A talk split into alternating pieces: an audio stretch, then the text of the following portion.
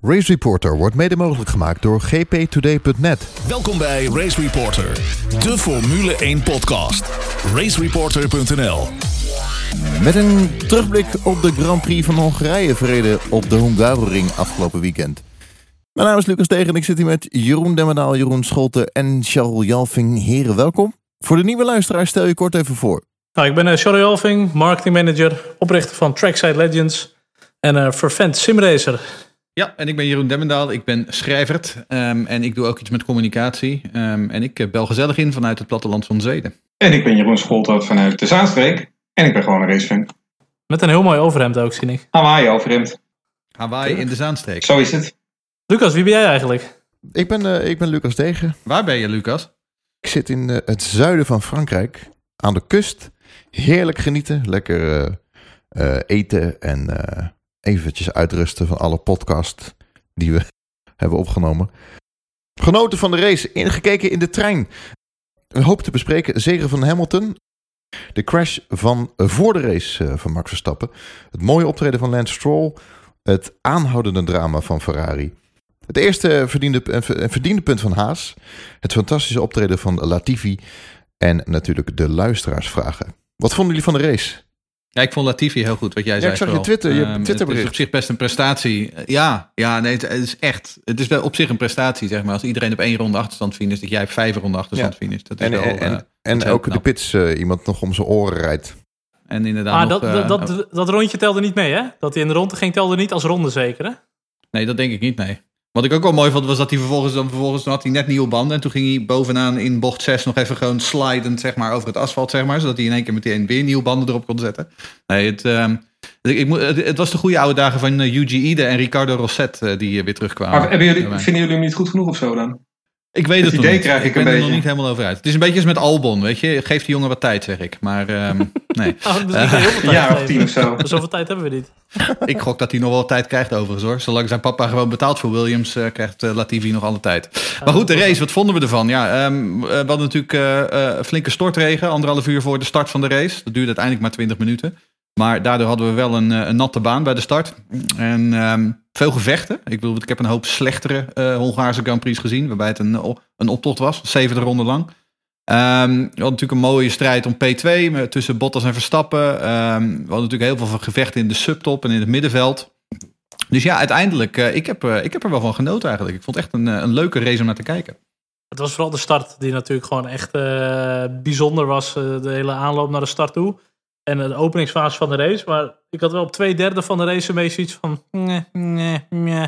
Uiteindelijk richting het einde werd het natuurlijk nog wel spannend met de pitstops die gemaakt werden. Maar ja, het was niet wat je ervan hoopt uiteindelijk. Maar goed, voor Hongarije was dit wel een redelijke Grand Prix, ja, absoluut. Ik vond het gewoon wel een aardige race hoor. Maar ik vind sowieso Hongarije altijd wel aardig.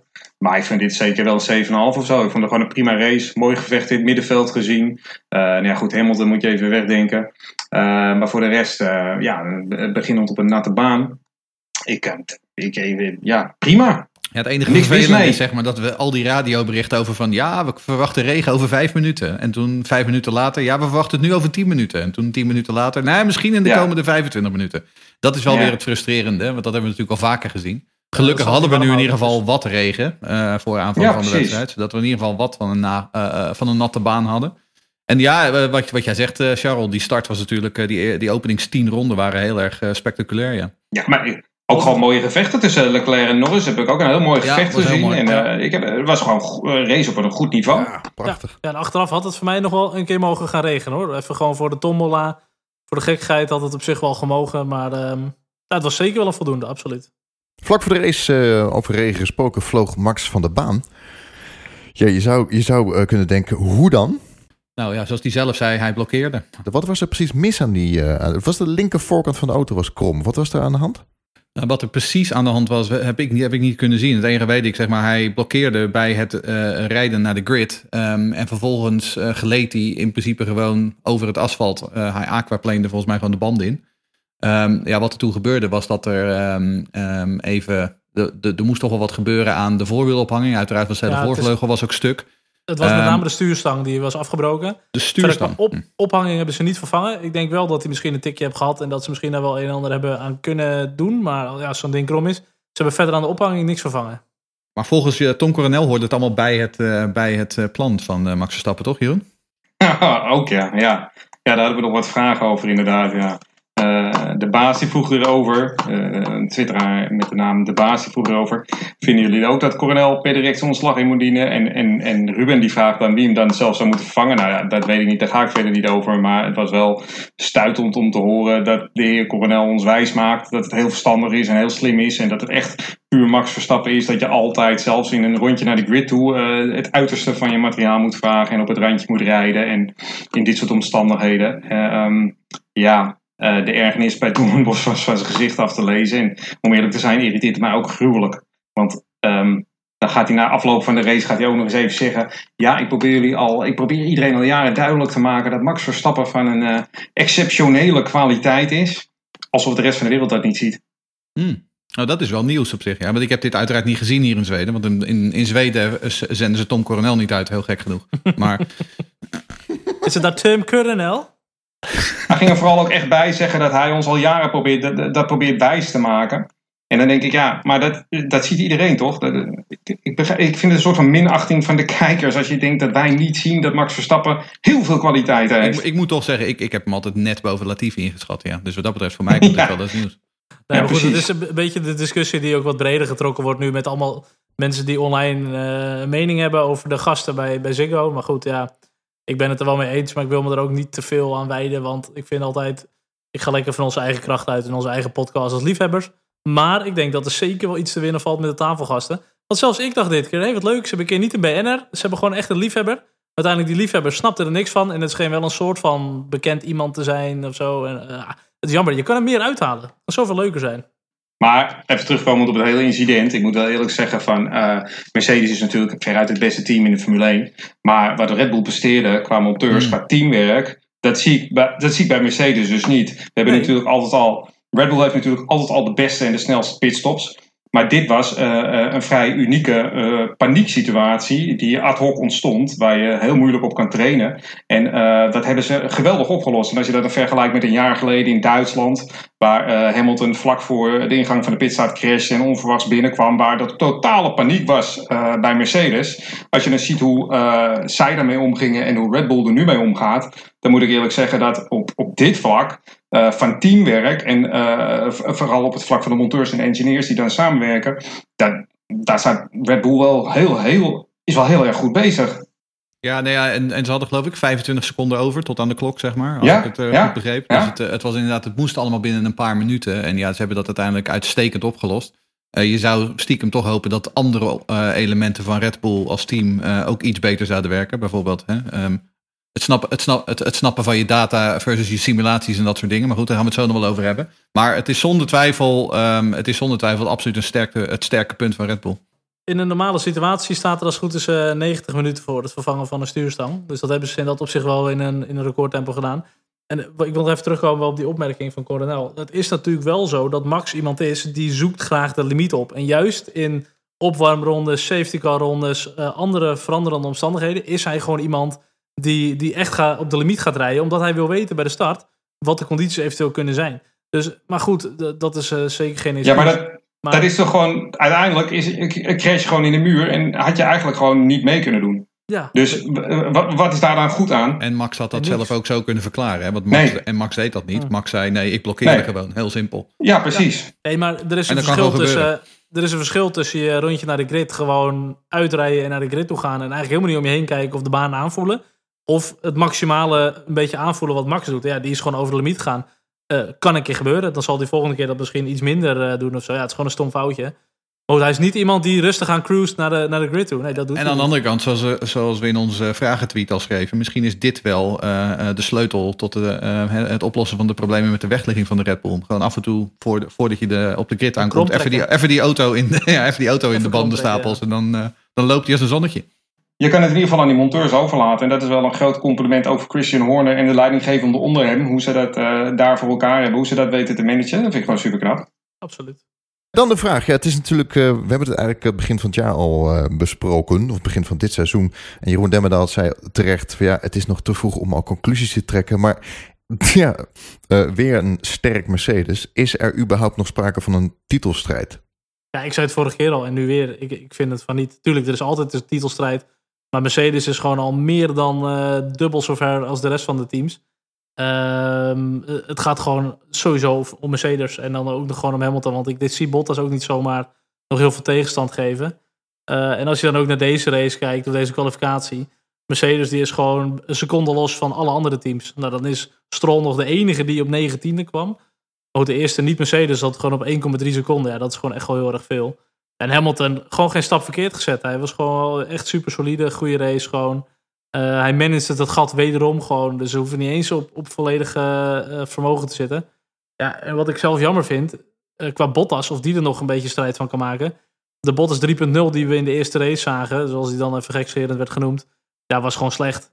Van een jumpstart was het eigenlijk. Nou, dan kwam hij nog goed weg. had iets met de lichtjes op zijn dash waar hij van, van de rel raakte. Maar goed, slechte start heeft ze rondjes gereden. Maar je ziet ook daar in verkeer doet die Mercedes helemaal niet zo goed. Want hij kwam Stroll gewoon niet voorbij. En uiteindelijk kwam hij Max. Nou oké, okay, daar zat hij nog niet heel lang achter. Maar ja, ook die kon hij nog niet even snel voorbij steken. Nee, hij had ook wat moeite om het verkeer uh, snel door te komen, de achterblijvertjes. Maar goed, dit is ja, Bottas 3.0. Dit is gewoon de Bottas die we altijd kennen. Hij heeft af en toe gewoon hele goede weekenden. En dat had hij uh, twee weken geleden in Oostenrijk. En dat uh, zal hij straks waarschijnlijk in Sochi of zoiets zal hij dat weer hebben. En voor de rest, over een heel jaar, gaat hij Hamilton niet bijhouden. Dus ja, Hamilton wordt vrij eenvoudig wereldkampioen dit jaar. Gisteren was het gewoon weer ouderwets Bottas 0.8 die uh, aan de start verscheen. Um, en dat is ook het grote verschil tussen Bottas en Hamilton. En om heel te zijn, tussen Hamilton en de meeste van zijn teamgenoten. Hamilton is gewoon veel stabieler en, en constanter. Um, en heeft een hoger um, laagste niveau dan, dan Bottas dat heeft. gaat, kijk, gaat, het, gaat het nog een titelstrijd worden? Daar wil ik het nog wel even over hebben. Kijk, ik, ik heb inderdaad eerder gezegd van we, we moeten uh, het wat tijd geven. Um, ik denk dat het enige waar we nog op kunnen mogen hopen, als uit het oogpunt van de, van de spanning, is dat uh, Mercedes toch wel een aantal keer nu al wat technische probleempjes heeft gehad. Um, Hamilton begon daar nu weer over. Dat, die, uh, dat, het, dat het niet helemaal lekker liep in, uh, aan boord van zijn auto. Dat hij niet helemaal tevreden was. dat hebben we natuurlijk in Oostenrijk ook gezien dat zou hetgene zijn wat een, route in de eten, wat een in het eten kan gooien. Want verder, als je kijkt puur naar hè, hoe goed die auto is vergeleken met de concurrentie, ja, dat gaan uh, Red Bull, uh, Ferrari, Racing Point echt niet meer inlopen. Daar vertrouw ik ook niet meer op. Nee, sowieso zal Racing Point nooit een kandidaat gaan worden om Mercedes te slaan. Maar dat is ook wat ik al eerder zei, is dat, dat de betrouwbaarheid gaat zo belangrijk zijn in zo'n kort seizoen. Ja, mocht het toch blijken dat Mercedes, dat die motor na een paar races of whatever, dat die wat problemen gaat geven. Dat zou kunnen. En nog in de verdediging van Bottas. Uh, die had aangegeven dat ze te veel benzine in zijn auto hadden gegooid. Zowel in de kwalificatie als in de race klopte dat dus niet. En er zat gewoon te veel brandstof in. Nou, dat scheelt wel iets tijd. Maar goed, het is nog steeds wel een, eh, een flink gat uh, wat hij wat die, uh, uiteindelijk op Hamilton heeft. Ik zeg, en ondertussen hebben we het gewoon over het team dat in de, Q, in de Q2 met een paar mediums een seconde losstaat van de rest op soft. Dus ik bedoel, een beetje, oh, extra, zelfs... benzine, beetje extra benzine heeft, heeft hij ook geen last van volgens mij. Maar zelfs dan is Mercedes nog verder weg uh, dominante team. En dat, uh, dat is dan wel weer tricky. Ook al laat ze nog steekjes vallen. Nog een vraag ben ik van Marco Asbreuk. Mercedes is het beste team ooit. Ze overheersen dit jaar, maar ook volgend jaar zijn de veranderingen die aan de motor en het aeropakket doorgevoerd mogen worden erg gelimiteerd. Tokens. Daarmee is het constructeurskampioenschap voor dit en volgend jaar toch eigenlijk al beslist.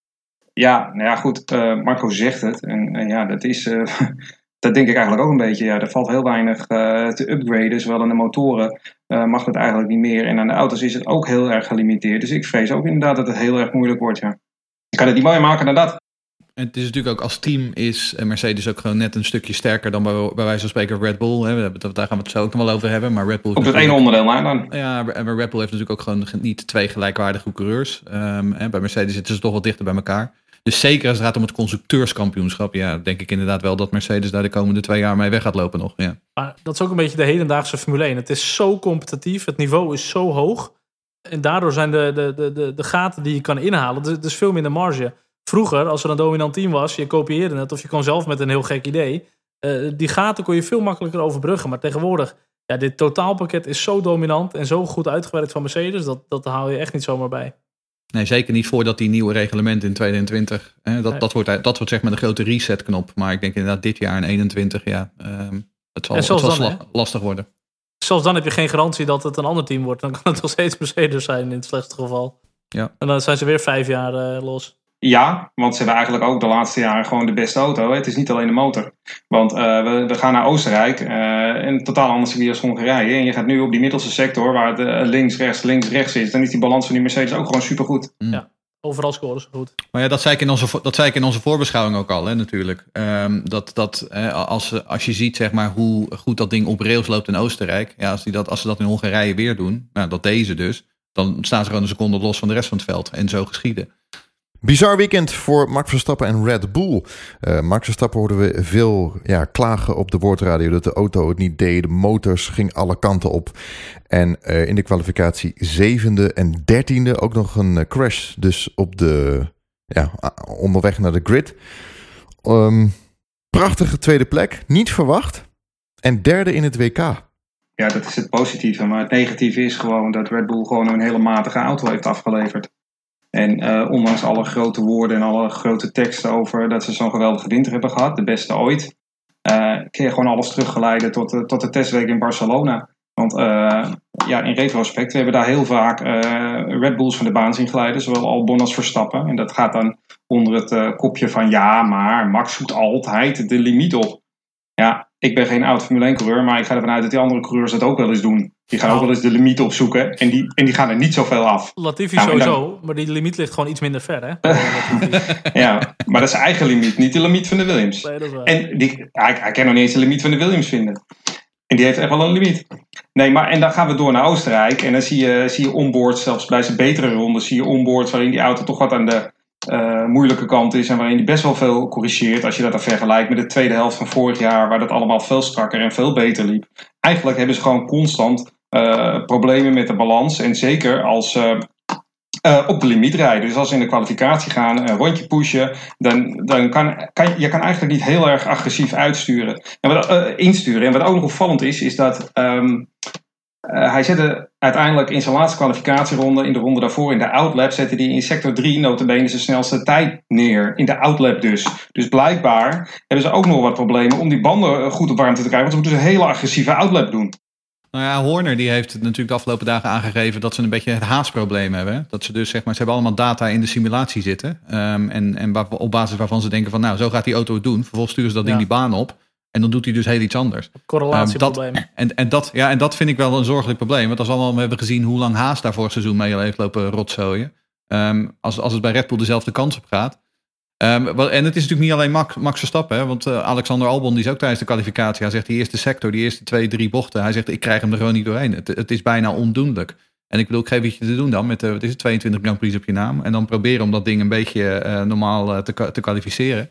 Dus ja, het is, het, is, het is ontzettend lastig op dit moment. Um, en ik denk dat die tweede plaats um, nu van Max was natuurlijk een uitstekende prestatie. En dat zal de burger wel wat moed geven. Maar ik denk ook dat we ervoor moeten waken dat we niet vergeten dat Red Bull onder de oppervlakte nog steeds een heleboel problemen heeft op te lossen. Ja, sowieso. En Red Bull heeft al eerder gehad hoor, dat ze wat correlatieproblemen hadden, ook met de simulator en met data en zo.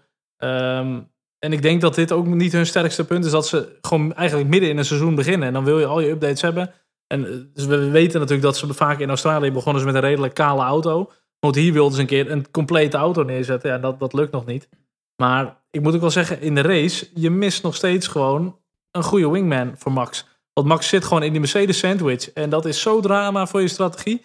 Want je wil of Lewis volgen, maar dan gaat Bottas die gaat weer off sync. Of dan wil je Bottas weer pareren, maar dan is Lewis weg. Albon die is er gewoon nog steeds niet. En dat is wel echt zonde hoor, nog steeds. Ja, maar dat komt ook omdat hij, dat komt ook omdat hij nog steeds redelijk onervaren is. Ik bedoel, ik ben niet, ook hierover heeft, uh, heeft Horner natuurlijk de nodige dingen gezegd. Um, ik kan me daarin wel vinden. Dat heb ik al eerder uitgedrukt hier. Um, maar uiteindelijk is het ook, weet je, het grootste probleem voor Red Bull is niet Alexander Albon. Het grootste probleem voor Red Bull is dat ze altijd altijd met een achterstand beginnen. Dat is nu al vier, vijf jaar het geval. En we, ieder jaar, iedere winter hopen we weer. Nou, nu in, eh, bij de start van het seizoen staan ze er. En ze staan er weer niet. Nou ja, dat niet alleen. Ik heb gewoon het idee dat ze die auto gewoon totaal nog niet kennen. Ze hebben hem helemaal niet door. Want ze hebben dus ook in de nacht van vrijdag op zaterdag... hebben ze al die updates eraf geschroefd. En zijn ze weer een beetje teruggegaan naar wat ze daarvoor hadden.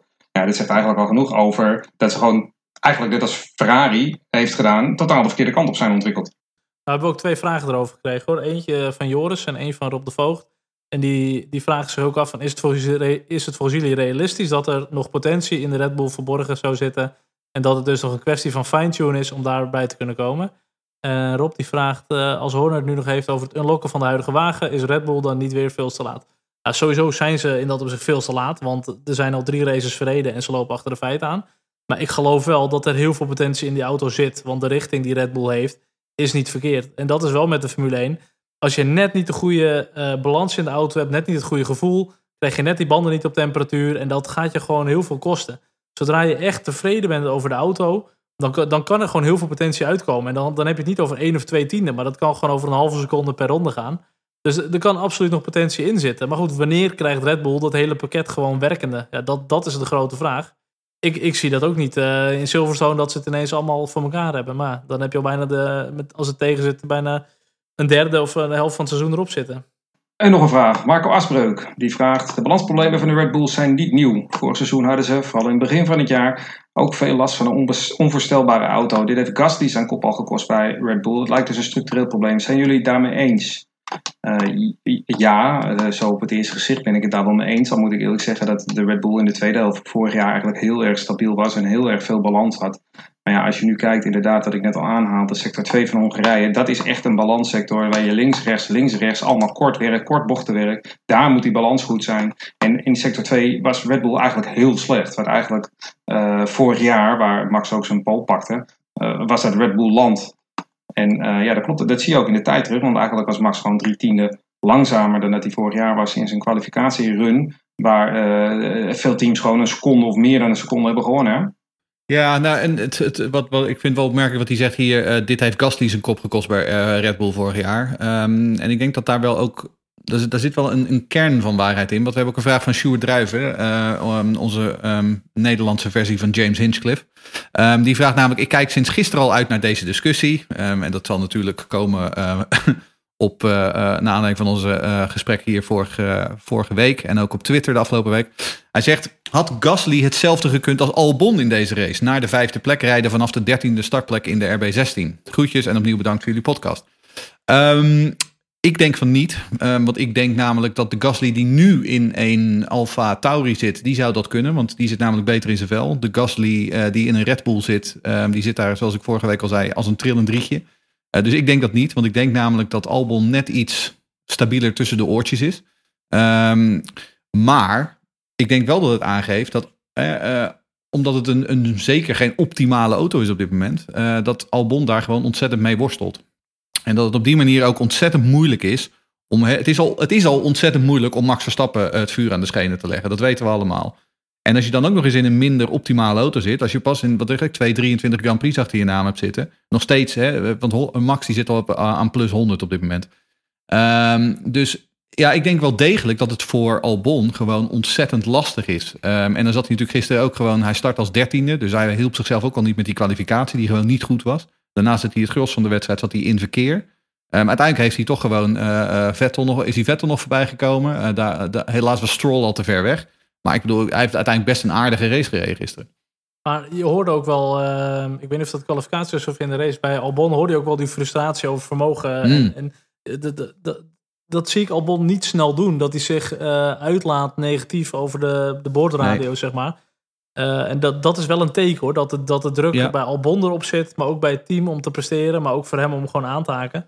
Nou, ik denk um, dat hij net als Max gewoon gefrustreerd is. Ik denk dat er een frustratie ja. zit. Want jij zegt het inderdaad. Hè? Dat is, Albon is altijd een hele nette, uh, nette jongen die het altijd heel erg uh, polite is. Um, en, en, op een gegeven moment begon hij ook het team de schuld te geven dat ze hem in verkeer naar de buiten hadden gestuurd. Zeg ja. maar. Nou, dat bleek dat uiteindelijk ook niet helemaal het geval te zijn. Um, hij zit gewoon niet lekker in zijn vel. Net als dat Max dat niet zat op vrijdag en zaterdag. En toch, wat ik daar ook nog bij aan wil tekenen, want dat was vorig jaar bij Gasly zo, en het is nu denk ik ook bij Albon zo, het zit ook heel erg in je hoofd. Als je kijkt bijvoorbeeld, als ik Max nou weer als voorbeeld neemt, die crasht in de ronde naar de grid toe, en vervolgens dan denk je, nou, daar gaat het toch in je hoofd zitten dat je iets rustiger aan moet doen misschien. En als je dan die eerste, die openingsrondes van Max bekijkt op dezelfde glibberige baan, en die zijn mega. De, gewoon hmm. totaal geen enkel probleem met zelfvertrouwen of, of angst dat hij uh, weer de fout in gaat. Nee, hij gaat gewoon mega aan de slag. En ik zie dat Gasly en Albon, dat is gewoon, het, topsport is heel veel mentaliteit. Hè? En, en dat zit bij Max gewoon maar, beter dan bij veel Maar dat is ook het zelfvertrouwen van al 33 uh, podiums op je naam hebben staan. Al, ja. al meer dan 100 Grand Prix op je naam hebben staan. Al weet ik veel, hoeveel is het inmiddels? Acht overwinningen op je naam hebben staan. Dat is echt een verschil. En hij is natuurlijk ook gewoon, is hij is dat. natuurlijk ook gewoon een tandje beter dan Albon Maar en Gasly en hij, Kwiat. hij Ja, ja. doet het wel, hè? Het, hij doet het wel. Hij zet hem in de muur. Dat is, dat is niet, niet ideaal, om het even zo te zeggen in Ferrari-termen.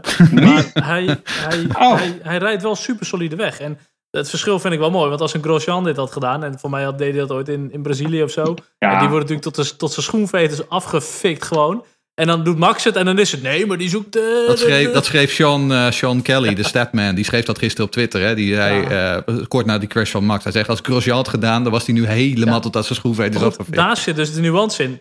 Dat Max, die pakt gewoon een podium. Die pakt gewoon P2 en die, die veegt Mm, het van zich af. En, die, en een Grosjean, die is daarna ook gewoon een, een soort van slappe stokbrood. Ik vind, het ook, ik vind het ook een dom vergelijk. Want ik bedoel, Grosjean is gewoon iemand die dit soort eh, exercities heel vaak heeft. En Verstappen is gewoon een topcoureur. Een van de beste coureurs ooit. Dus ja, als je dan gaat zeggen, ja, als Grosjean dat doet, ja, eh de. Maar het is nou niet dat, Grosjean eh, dat de Max zo foutloos is of zo. Hoor. Dus eh, die maakt ook gewoon fouten. Race Reporter.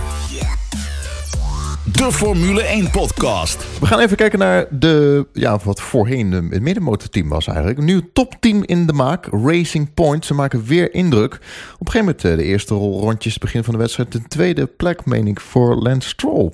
Nou, het mooiste vind ik nog aan, aan dat Racing Point een topteam begint te worden... is dat de Formule 1 zelf een, een tweetje had gestuurd met een polletje... of een artikel met wie, welk midfieldteam eh gaat weet ik wat het podium pakken. En daar hadden ze Ferrari gewoon bijgezet. Ja, dat vind ik leuk. Eh, iets minder leuk vind ik het feit dat Racing Point echt zo sterk is. Gewoon met een, met een kopie van de Mercedes. Eh, maar goed, de situatie is nou eenmaal zo. En ze doen het echt supergoed.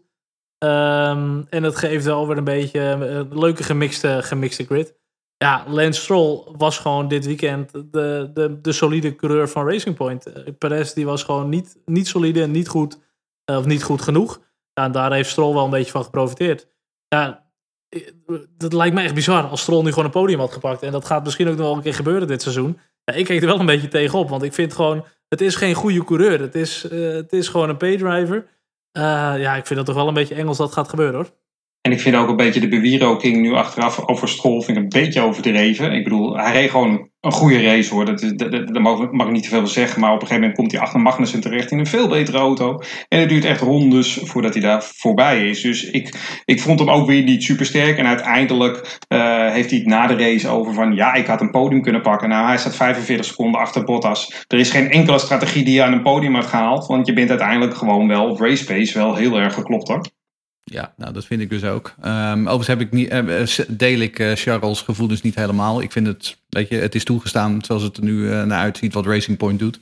Ehm weet je, kopiëren, dat maakt verder helemaal niet, dat maakt mij niet zo heel veel uit. Ik, ik vind het juist wel een slimme strategie. Hetzelfde als dat Haas natuurlijk ooit een beetje een leentjebuur speelde bij Ferrari.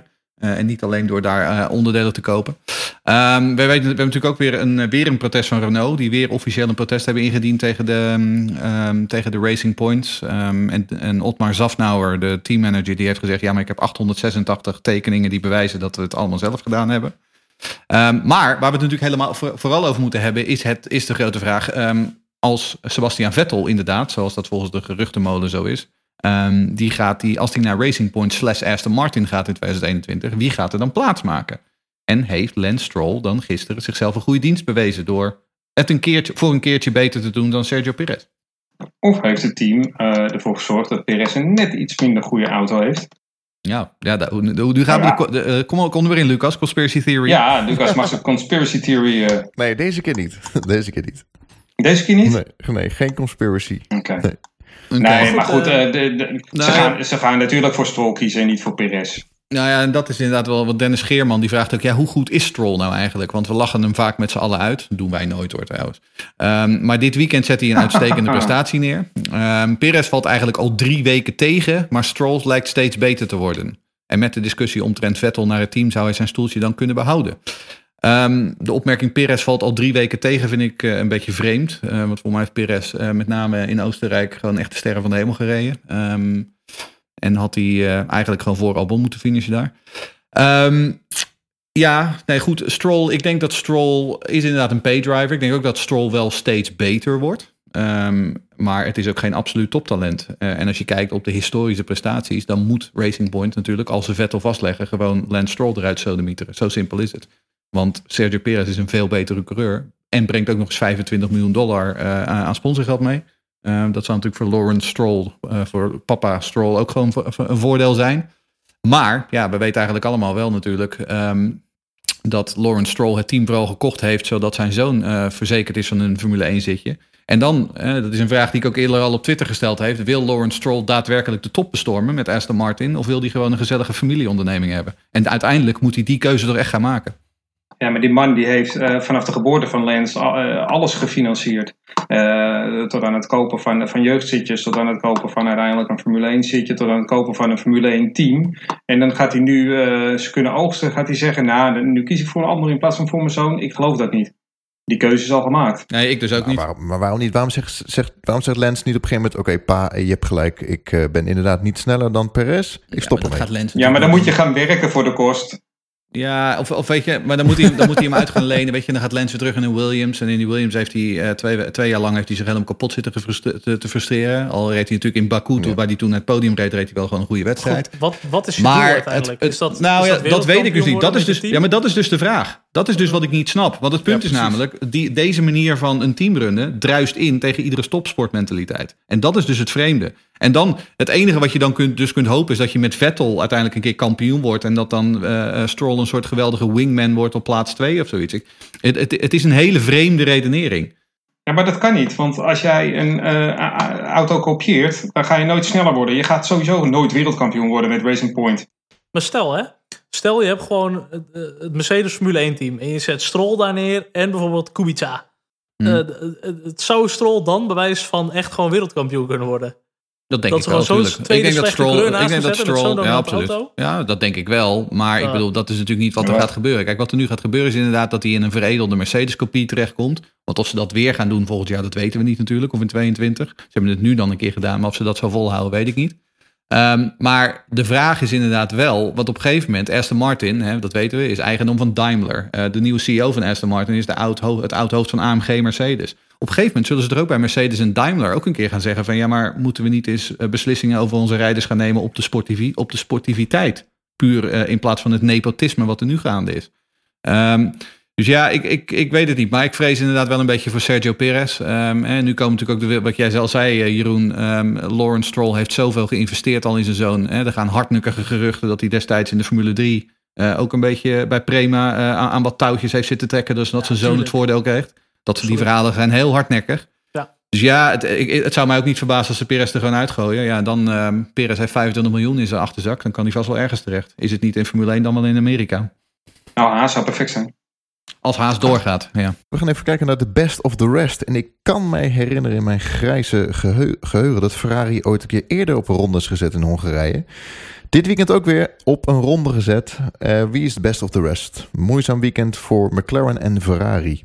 Het mooiste was inderdaad dat, dat Ferrari uh, achteraf uh, gevraagd werd, Vettel althans, van uh, ja, je bent op een ronde gezet, wat vind je ervan? Ja, wat had jij dan verwacht? Eigenlijk wisten ze het al. En uh, dat vond ik wel opvallend, want ik moest denken aan wat Lennon Norris een week eerder had gezegd. Die had juist gezegd van ja, maar ik heb een tijdje achter die Ferrari gereden. En let eens op, die zijn in de bochten gewoon heel snel. Dus die gaan in Hongarije gewoon het een stuk beter doen. Ja, als het ergens niet goed ging uh, met, met Ferrari, was het wel in de bochtigste sector van, van, van Hongarije. Um, ja, die auto is gewoon echt heel slecht. En als je het hebt over um, Red Bull in de problemen. Nou, Ferrari, Ferrari wordt gewoon vijfde in de constructeursstrijd uh, dit jaar. Bijna 21 rondes stonden ze gewoon op 52 seconden van Hamilton. Dat is echt ja. een mega gat gewoon. Ja, en, Vet, en Vettel eindigt dan nog redelijk in de punt op een zesde. Maar ik bedoel, eh, Charles Leclerc jongens, allemaal magisch. Die gewoon een, een halve wedstrijd gewoon een haast niet voorbij komt. En over de radio zegt, I'm struggling so much, I'm struggling so much. En uiteindelijk gewoon bloedeloos elfde wordt in dat ding. En dat niet alleen, hè. Um, uh, hij krijgt softs ondergemeten, wat niet handig is. Dan krijgt Vettel, willen ze ook binnenhalen voor softs. Dan moet Vettel zelf toch even zeggen van, joh, doe mij even mediums, want dat is wat handiger. Uh, dus ook strategisch zit nog steeds die Baviaan daar, waar het verkeer door gaat. Uh, dan moet je over twee weken moet je naar Silverstone. Een um, redelijk power circuit met, met, met snelle bochten. Ja. hier was de achterstand nog redelijk beperkt, omdat die motor hier wat minder invloed heeft. Maar daar ja, daar gaat Ferrari gewoon de Q3 niet halen. Nee, nou, de grote vraag is natuurlijk hoe lang het nog duurt voordat er daadwerkelijk, uh, wat, wat, wat die vorige week al over, dat Ferrari natuurlijk altijd een slangenkuil is. Maar hoe lang gaat dit qua management nog goed? Um, eerder vandaag heeft uh, Luca di Montezemolo een heel groot interview gegeven in, eh, in de Italiaanse pers. Nou, dat doet hij ook niet zomaar. Hè. Die kiest ook zijn timing. Um, nou, Luca di Montezemolo hield eigenlijk gewoon geen spaan heel van uh, Matteo Binotto, van het huidige management van Ferrari en van de organisatiestructuur bij Ferrari. Oftewel het grote moddergooien en het grote zagen aan de poot is al begonnen. Um, ik weet niet of Matteo Binotto Mugello wel haalt, als ik heel eerlijk ben. Wat ook zo mooi is, was, was Toto Wolff. Want, want vorige keer haalde Toto Wolff al uit naar Binotto. En nu deed hij dat weer. Hè? Want daar vond het. Uh, Binotto had iets gezegd over. Ja, iedereen heeft last van die uh, technical directives die uitgevaardigd zijn vorig jaar in Austin. Alle motorleveranciers hebben er last van.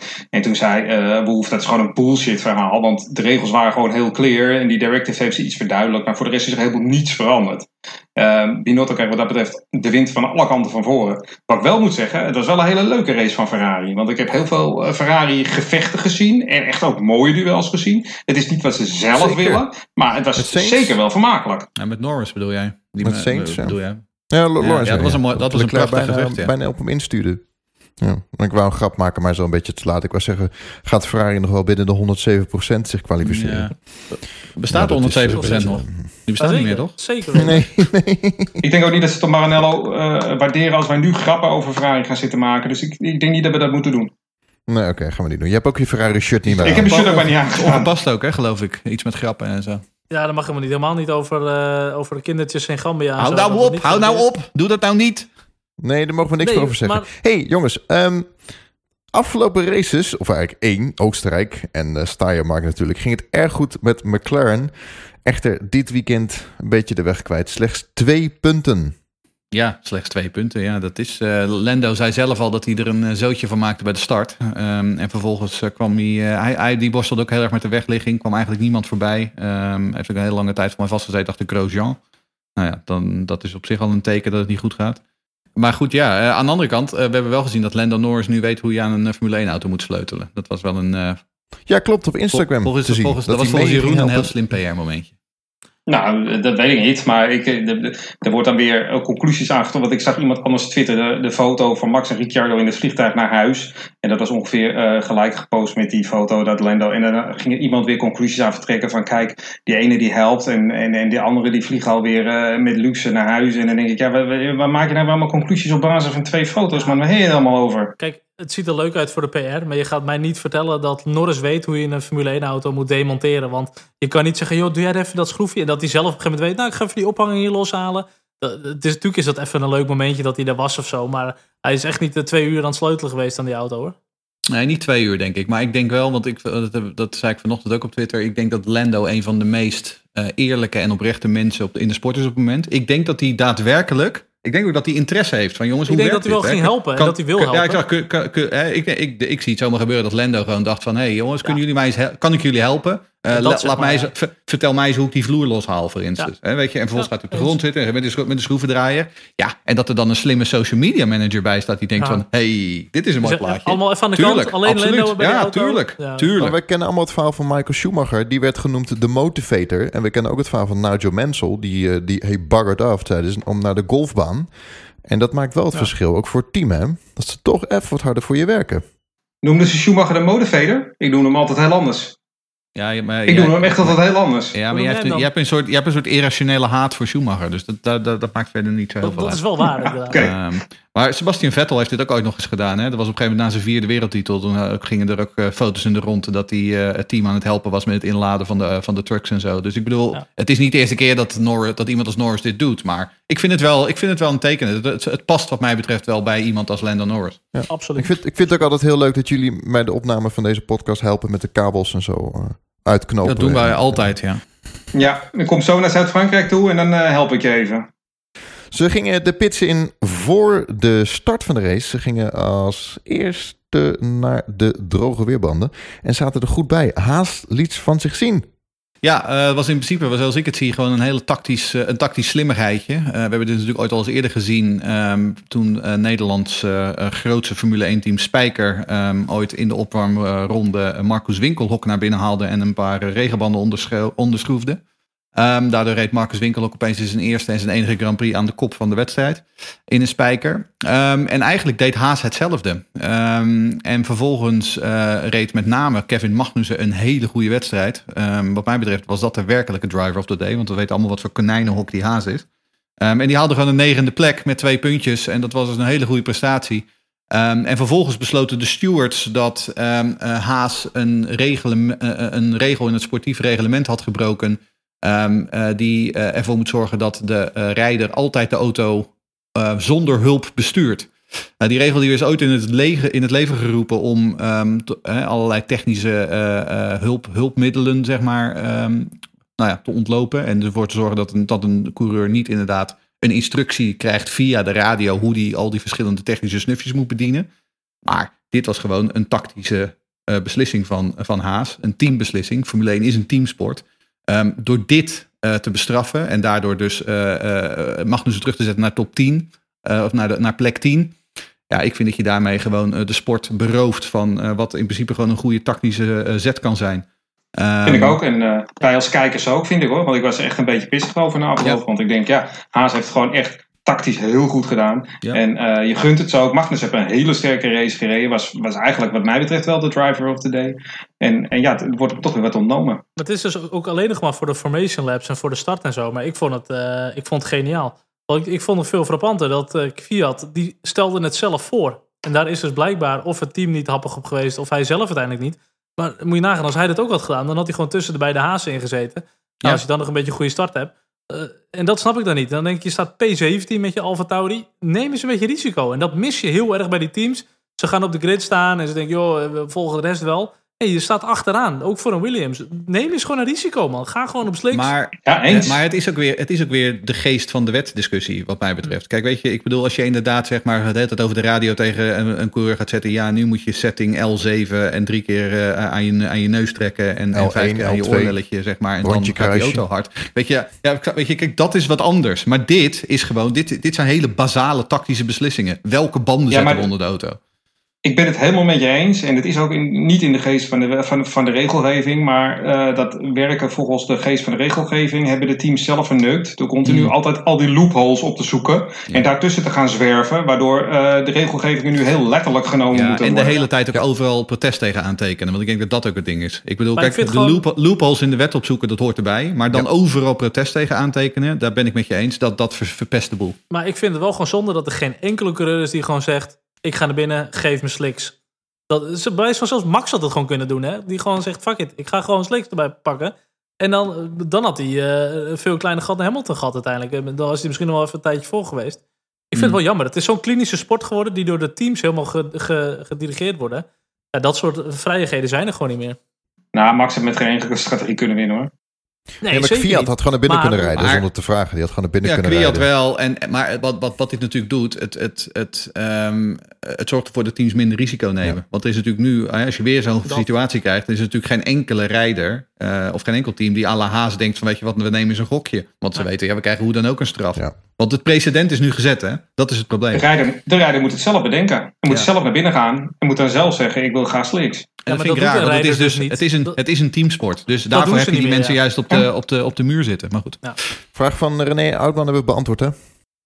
Ja, die vra- René Oudman die vraagt: is er één van jullie vier die het eens is met de straf die Haas heeft gekregen? Of die het in ieder geval begrijpelijk vindt? Eh, nou ja, nee, dus. Ehm, zoals de voorgaande discussie wel be- eh, bewezen Ja. heeft. Een jaar geleden eh, had ik op zaterdag besloten om naar Engeland af te reizen. En dat was voor het eerst sinds jaren dat ik weer eens in Engeland was. Voor de Grand Prix van Brittannië. Eh, Silverstone. Wat, wat een fantastisch leuk, gezellig publiek. Kan ik aan iedereen aanraden. We gaan er naartoe over twee weken. De Britse Grand Prix. Ehm, we doen even voorspelling, maar eerst eventjes de herinneringen ophalen. Poeh, eh, dat zijn er nogal een, een hoop. Hoor. Ja, Uh, de, uh, Damon Hill natuurlijk, hè. die won ook. Wie won hier? Uh, ja, ja, ja, Wie? ja, ja. Damon Hill. Oh, die. Ja. De- die won de race die zijn vader nooit Ja, won. En Nigel Mansell. Michael Schumacher won hier ook. Michael Schumacher Ja. won hier nog een keer in de pitstraat. Wie? Fantastisch. en die brak hier ook zijn been. Dat was misschien dat toen, toen dat vond jij misschien dat was ook een hoogtepunt. Was ook een hoogtepunt. Maar ik hoor jullie veel over Lewis Hamilton in de regen hier in Silverstone. Ja, ja, ja, uiteraard. Ja, Ja, die, 2008. die wedstrijd 2008, dat was echt eh, dat was een masterclass. Charles, echt een mooie race, Charles was jouw hoogtepunt in, op Silverstone? En dan be- bedoel ik in de autosport? Het is natuurlijk wel een klassieke ook met Max en eh, Rosberg die die inhaalde en zo. eh, ja. ik, ik vind het Silverstone vind ik gewoon een mooi circuit. High speed eh, circuit. Ik heb altijd wel goede races gewoon. Ik eh, vind het Ja. prima. Afgezien van dat nieuwe deel, wat ze natuurlijk eh, tien jaar geleden ingelegd hebben. Dat hadden, Ja. ze, hadden ze nooit moeten doen. Want Ja. eh, nu, zijn we Bridge, nu zijn we Bridge Corner en Brookfield zijn we kwijt. Eh, dat vind ik gewoon nog steeds jammer. Jammer. Vorig jaar prachtige race gezien. Mooi gevecht tussen Leclerc en Verstappen. Ja, Zo, die was ook wel vet, ja. Dat, zat, Ja, dat was niet voor jouw neus, Lucas. Eh, nee, nee, nee, nee. Het was ietsje, ietsje verderop. Ehm, snelle bochten hier in Silverstone. Wat zijn de kansen voor Max Verstappen, denken jullie? Charles? Nou, ik denk een beetje eh, qua kansen dat het minder is zelfs dan afgelopen weekend. Het is zo'n high speed. Ik denk dat, eh, dat de Red Bull het hier ook wel echt af gaat leggen ten opzichte van Mercedes en Racing Point. Ja, snelle bochten, Maggots en Beckett's, ja, dat, zijn, dat, dat soort bochten, jongen, daar gaan ze zo hard doorheen. Kijk, Red Bull was altijd beter in de, in de, de low speed corners, zeg maar, high downforce. Eh, ja, ik denk dat ze hier eh, nog, eh, nog harder om onder oren gaan krijgen, hoor. en volgens mij heeft Lewis hier de laatste zes jaar gewoon vijf keer gewonnen ook. Dus wat dat betreft. Ik zit te denken, hè, bij bij kwalificatie hadden we ooit de 107% regel. Hoe kunnen we niet ook doen dat als je eh 7% sneller bent dan de rest, dat je, zoals Mercedes nu, dat ze niet meer mee mogen doen? Ja, dat vind ik eigenlijk wel... Ja. eh, Stuur, jij even een, stuur jij even een mailtje naar Michael Masi. Ja, Ja, ga ik doen. even CC in ons. Maar goed, we hebben ook weer hier de, de, de, de dubbele Grand Prix van Silverstone, zeg maar. En dat is ook wel weer zorgwekkend dat als hij echt slecht ligt voor Red Bull. We hebben eerst de, de, de, de British Grand Prix. En dan hebben Ja, we hoe de, heet die de, tweede race 70, eigenlijk? de 70th Anniversary Grand Prix. Oh ja. ja. Aha. en dan nog de Emirates die hem sponsort. Nou, oké, prima. En goed, eh, het wordt weer een triple header. Even een weekje niks Ja. nu en dan eh triple header. Maar dat zeiden we ook van Oostenrijk. En we hebben toch twee totaal verschillende races gezien. Maar wat, wat ik apart vind is, we, we hadden ooit de Europese Grand Prix. Dat was Nürburgring en Donington. Waarom hebben we dan niet dit jaar een Europese Grand Prix? Die wilden ze eigenlijk nog even bewaren. ehm, dat mochten er nog meer, toch? meer races. Ja, maar dat wordt dan de, de, de duizendste Grand Prix. Van Imola, ja, dat zou kunnen, ja. Mij Mugello willen ze dan die duizendste van Ferrari. Prix Je gaat natuurlijk nu niet de, de, de Britse Grand Prix, eh, de Europese Grand Prix eh, gezien eh, wat er afgelopen jaar is gebeurd met de Brexit en alles. Nee, ik, mocht De non-European Grand Prix. Ja, zoiets. De Brexit Grand Prix. De Brex Prix. De Hey, Boris gaan we nog wat Johnson. voorspellingen doen? Eh, ja, zeker. Eh, zeker. Ehm, ga ik beginnen? Ja hoor. Ja, is goed. Nou, dan ga ik op veilig. Eh, Lewis Hamilton gaat hier met twee vingers in de neus winnen. Ehm, ik denk dat eh Valtteri Bottas gewoon tweede wordt. En Max Verstappen wordt derde. En tiende wordt ehm, gewoon weer Lance Stroll. Want die moet niet te veel praatjes krijgen. Oh, ik, ehm, Lewis Hamilton gaat winnen inderdaad. Valtteri Bottas wordt tweede. En ehm, Max Verstappen wordt derde. Charles Leclerc wordt tiende. Nou, ik had het precies hetzelfde. Hamilton eerste, Bottas tweede, Verstappen. En dan eh, Ricciardo op P10. Nou, apen. Ik ga voor Lewis Hamilton, Bottas, derde Perez. Ik weet niet waarom, maar iets uh, mij zegt dat het gaat regenen. Respect. Uh, en Lance Stroll tiende. Ik vind het, ja, Stroll dan niet, maar ik vind die Perez vind ik wel een slimme op P3. Nou, ik moet wat hè. Daniel die houdt het bij op Twitter, is die te volgen. Leuk, uh, leuk maar wie staat lijstje. er aan de leiding? Uh, Jeroen Scholten, toch? Wat aan de leiding? 68 puntjes volgens mij of zo. Nou, ik uh, heb al twee keer de winnaar en één keer de tweede plek uh, juist voorspeld. Ja. Ja. Maar als die- Jeroen Demmerdaal, had jij je eerste punt? Ik had geloof ik eh, 25 punten nu Ja, Mijn ook. eerste 25 Oh, punten. Ehm, Godverdorie. ja, gek Ehm, maar het is niet eens een gek idee trouwens hoor. Want als die Mercedes echt zo dominant zijn daar, hè, ook door de motor en omdat het, hè, eh, dan zal de W10 ook nog wel een beetje dominant zijn, de, de paarse Ik denk W10. het wel. Of de roze W10. Dus dan vind ik Perez op P3 niet eens zo'n heel gek idee. Misschien gezien de dominantie van Mercedes en die gaan de rest van het jaar alles winnen, kunnen we misschien beter vanaf nu de plekken 3, 4, 5 en 10 gaan voorspellen. Eens. Goed idee. We hebben nog een aantal luisteraarsvragen binnengekregen.